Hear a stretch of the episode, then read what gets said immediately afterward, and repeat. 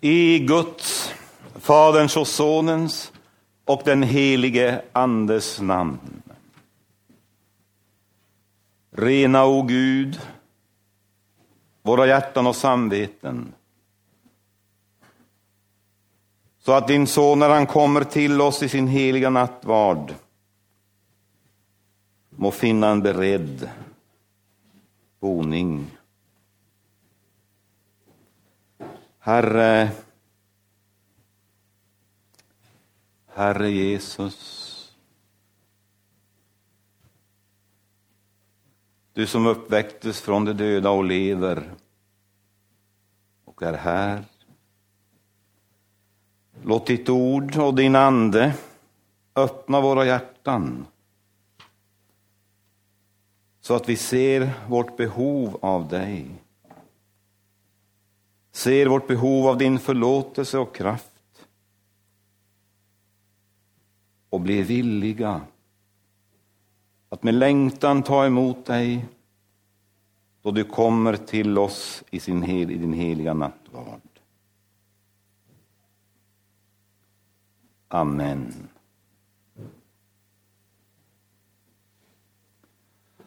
Dödens udd är synden och syndens makt kommer av lagen.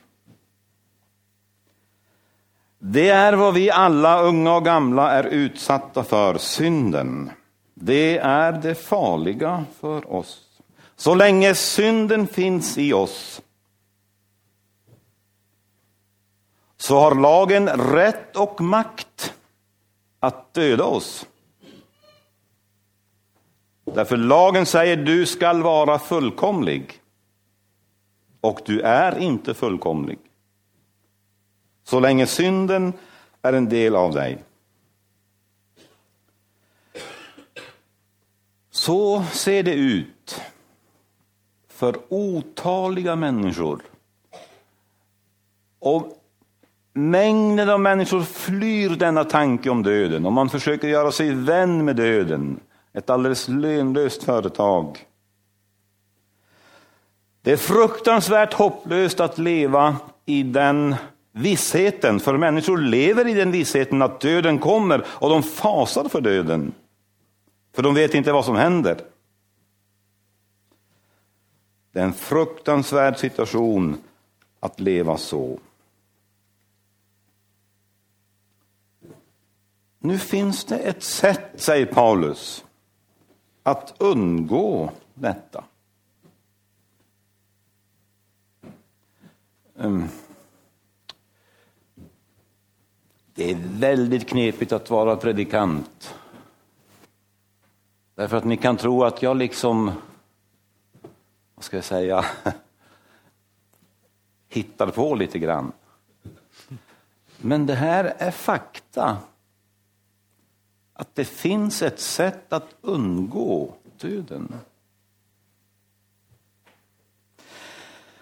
Det är att detta dödliga, det som är vi, vårt jordiska väsen som tillhör förgängelsen på grund av synden, att det blir klätt i odödlighet, i odödlighet. Det Eh, då svindlar det för oss alla om vi tänker odödlighet och evighet. Men det är det Paulus säger. Det finns ett sätt att undgå döden genom att bli klädd i odödlighet. Ty detta förgängliga måste kläs i oförgänglighet och detta dödliga kläs i odödlighet. Och när det sker, och det måste ske här och nu. Det sker inte när vi dör, då är det för sent. Nu måste du kläs i odödlighet. Och när det sker, då är döden uppslukad och segern vunnen. Och där synden är borta, där har döden ingen makt. Den som har blivit klädd i odödlighet kan säga till döden, och aposteln säger det med triumf, du död, var är din seger? Du död, var är din udd? Inför livets herreord, där försvinner djävulen och döden liksom puff. Han har ingen makt. Därför att där synden är borta når inte lagen det som dödar dig. Det är utifrån Golgata aposteln säger detta. När döden, djävulen, högg mot Jesus där på Golgata, då högg han i sten och han bröt av udden på sitt vapen. Därför att Jesus tog emot allt det som världens vi människor, alla människor från början till slut har av synd i oss, det var samlat i Jesus. Och när djävulen högg mot det, då bröt han av sin spets. Djävulen blev lurad.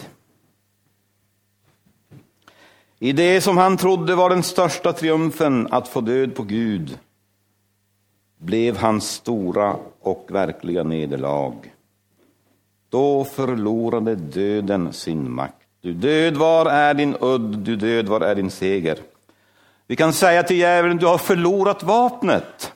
Och vi måste lära oss säga det. Du djävul, hur mycket du än plågar oss med synd, du har förlorat vapnet. Jesus tog ifrån dig det på Golgata. Att bli klädd i odödlighet. Att bli klädd i praktiken. Vi, det är så, de stora orden är så väldiga att det kan bli liksom att vi flyter bort, men vi måste, vi måste ha det i praktiken. Vad är det i praktiken som klär dig i odödlighet? Jo, det är och förblir syndernas förlåtelse och att leva i den förlåtelsen. Den ständigt återkommande förlåtelsen är nödvändig.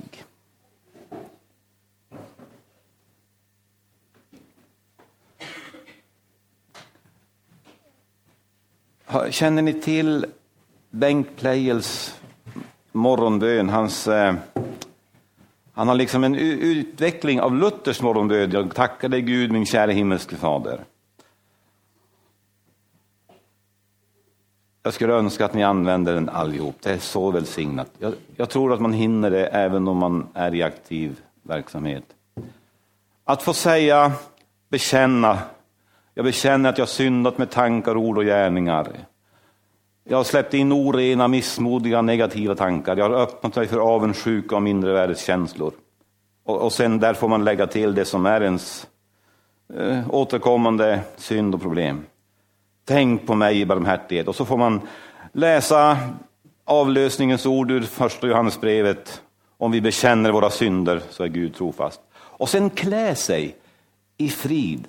Jag tackar dig Herre för att jag får klä mig i frid, i tacksamhet, i eh, renhet, i förlåtelseberedhet. Det, det ger en väldig styrka åt dagen. Alltså förlåtelsens verklighet, ständigt återkommande till detta, det är att bli klädd i odödlighet. Därför är man klädd i Jesus, då är man odödlig. Och man får säga till djävulen, du har ingenting med mig att göra.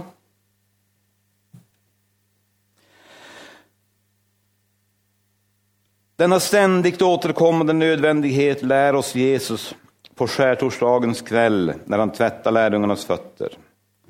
Och du har fått förlåtelsen, du är förenad med Kristus genom dopet, ni är rena i kraft av det ord jag har talat, personligt uttalat över dig då du döptes.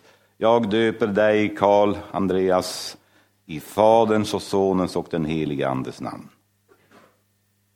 Då, då nämnde Gud Gud nämnde dig vid namn. Och det har han inte glömt. Tänk på det. När du tänker på ditt dop, om du är 80, 90, 100 år eller du är 15, 16 år, då ska du tänka Gud kommer ihåg min dopdag. Den är för honom lika nära som idag. Och du är klädd i Kristus. Han, och då säger han, ni är rena i kraft av detta ord. Men Jesus behöver två våra fötter, tvätta våra fötter, åter och åter. Då är det väl så för dig också. Fötterna som så lätt går på en väg där de inte skulle gå. Och händerna som gör det de skulle låta bli. Munnen och tungan som vräker ur sig det som inte alls var bra. Där är syndabekännelsens nytta och plats. Att vi säger till Gud att vi har syndat.